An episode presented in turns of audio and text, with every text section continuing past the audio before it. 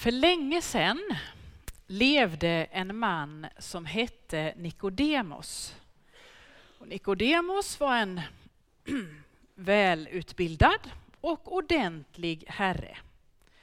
Och eftersom han var så välutbildad och klok, han hade kanske slips, jag vet inte, så hade människorna valt honom att sitta i rådet där man bestämde viktiga saker för folket. Nikodemos, han tyckte att det var viktigt att allt skulle vara rätt och rättvist. Regler fanns för att de skulle följas. Mm, mm, så var det. Annars behövdes ju inga regler, eller hur? Regler finns för att de ska följas. Och om vi inte hade några regler, hur skulle det då gå? Ja, det vet inte ni heller. Så tänkte Nikodemos också. Det måste ju finnas någon slags rim och reson, sa Nikodemos. Nikodemos, han trodde också starkt på Gud. Och en viktig egenskap hos Gud menade Nikodemos var att Gud var rättvis. Gud var noga med lagarna. Jaha, Gud var noga med lagarna därför att Gud hade gett oss lagarna. Ja, minsann. Då var det viktigt med lagarna och då var det viktigt att följa dem. Som de allra flesta så hade Nikodemos bestämt hur Gud var. Och utan att han kanske märkte det själv så var den Gud som Nikodemos trodde på ganska lik Nikodemos. Det måste ju finnas någon slags rim och reson, som Nikodemos sa. Men så började en ny person vandra runt i landet och den här personen struntade ibland i lagarna och sa att människorna måste komma före alla regler. Om någon råkar ut för en olycka till exempel när det är vilodag och Gud har sagt att på vilodagen måste man vila, man får inte göra något som helst arbete överhuvudtaget. Men om man råkar ut för en olycka, ja då måste man ju hjälpa den människan ändå fastän att Gud har sagt att man ska vila. Nikodemos undrar om det här kunde vara möjligt. Stämmer verkligen det? Vad skulle Gud säga som har gjort alla reglerna om vi inte följer dem? Vad skulle Gud tycka om det? Skulle Gud inte bli arg och besviken då kanske? Och om Gud inte blev arg och besviken för att vi följde alla reglerna, ja men varför hade vi då regler?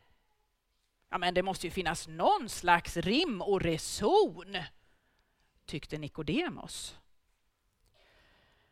Men inom sig så undrade han, men vad, vad skulle hända om jag skulle bryta benet mitt på vilodagen? Vem, vem skulle hjälpa mig då?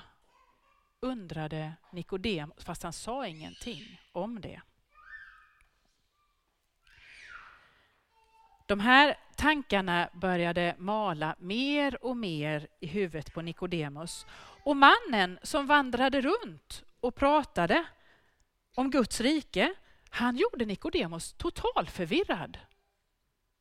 För människorna lyssnade på honom och människorna sa att han var från Gud, den här mannen. Kommer ni ihåg vad den mannen hette som vandrade runt och pratade? Någon som vet? Någon av de vuxna kanske? Rut vet. Jesus. Just det. Jesus var det som vandrade runt på Nikodemos tid. Och han berättade om Guds rike. Och folk lyssnade på honom. Och Nikodemos började undra, vad, vad kan vi veta om Gud egentligen? Och han hade sina verkligt fundersamma stunder. Tänk om, tänkte Nikodemos, tänk om Gud är på ett annat sätt än vad jag har tänkt ut. Tänk om, tänk om rättvisa är något annat än att få det man förtjänar. Nikodemos bestämde sig för att söka upp Jesus. Han var tvungen att ta reda på hur det var. Och i Bibeln, som berättar om det här, så står det att Nikodemos sökte upp Jesus på natten, mitt i natten gick han dit. Och då kan man ju undra om det var för att Nikodemos skämdes lite för att han skulle gå till den här mannen som alla pratar om. Eller om det var så att när Nikodemos ville ha reda på någonting, ja då brydde han sig inte om om det var dag eller natt. Han var tvungen att gå dit och ta reda på det direkt. Ja, det vet vi inte riktigt hur det var. Men Nikodemos gick i alla fall till Jesus mitt i natten. Det måste ju finnas någon rim och reson i alla fall, tänkte Nikodemos. Mitt i natten så ställde Nikodemos sina klurigaste frågor till Jesus. Och Jesus bad Nikodemos att tänka själv. Oh, Nikodemos försökte. Men det här med att tänka själv utanför lådan, det var inte Nikodemos starka sida. Så Jesus förklarade, och då står det så här. Jesus sa, så älskade Gud världen att han gav den sin enda son för att de som tror på honom inte ska gå under utan ha evigt liv. För Gud sände inte sin son till världen för att döma världen utan för att världen skulle räddas genom honom. Oh, Nikodemus han fick, han fick fundera både länge och väl på detta innan han kunde förstå. Han fick liksom resonera med sig själv. Liksom, gör ni det ibland? Tänker i huvudet för er själva? Nej, ingen. Jo. Någon, någon enstaka gör det. Ja. Nikodemus i alla fall, han satt där och resonerade för sig själv. Oh, Gud älskar människan och vill leva i vänskap med varje människa. Hmm. Även med de som kanske inte alltid följer reglerna. Ja, men finns det ingen rim och reson? tänkte Nikodemos. Gud vill inte peka ut någon och säga du, du har gjort fel. Gud vill att alla ska räddas, att till och med världen ska räddas. Men finns det ingen rim och re... Plötsligt kom Nikodemos på den gången som han hade lekt ute på en vilodag och så hade han snott in sig i ett jättesnårigt snår och fastnat längst inne. Och Nikodemos pappa fick inte loss honom. Och mitt på vilodagen när man inte får göra något arbete alls så hade Nikodemos pappa fått gå och hämta både såg och yxa. Ja, det vet ju ni scouter hur man använder, eller hur?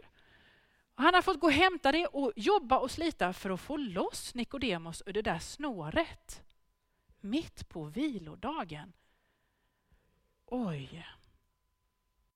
Och Gud älskar människan så mycket mer än Nikodemos pappa älskar Nikodemos. Gud blir till och med människa i Jesus själv för att visa hur mycket Gud älskar människorna.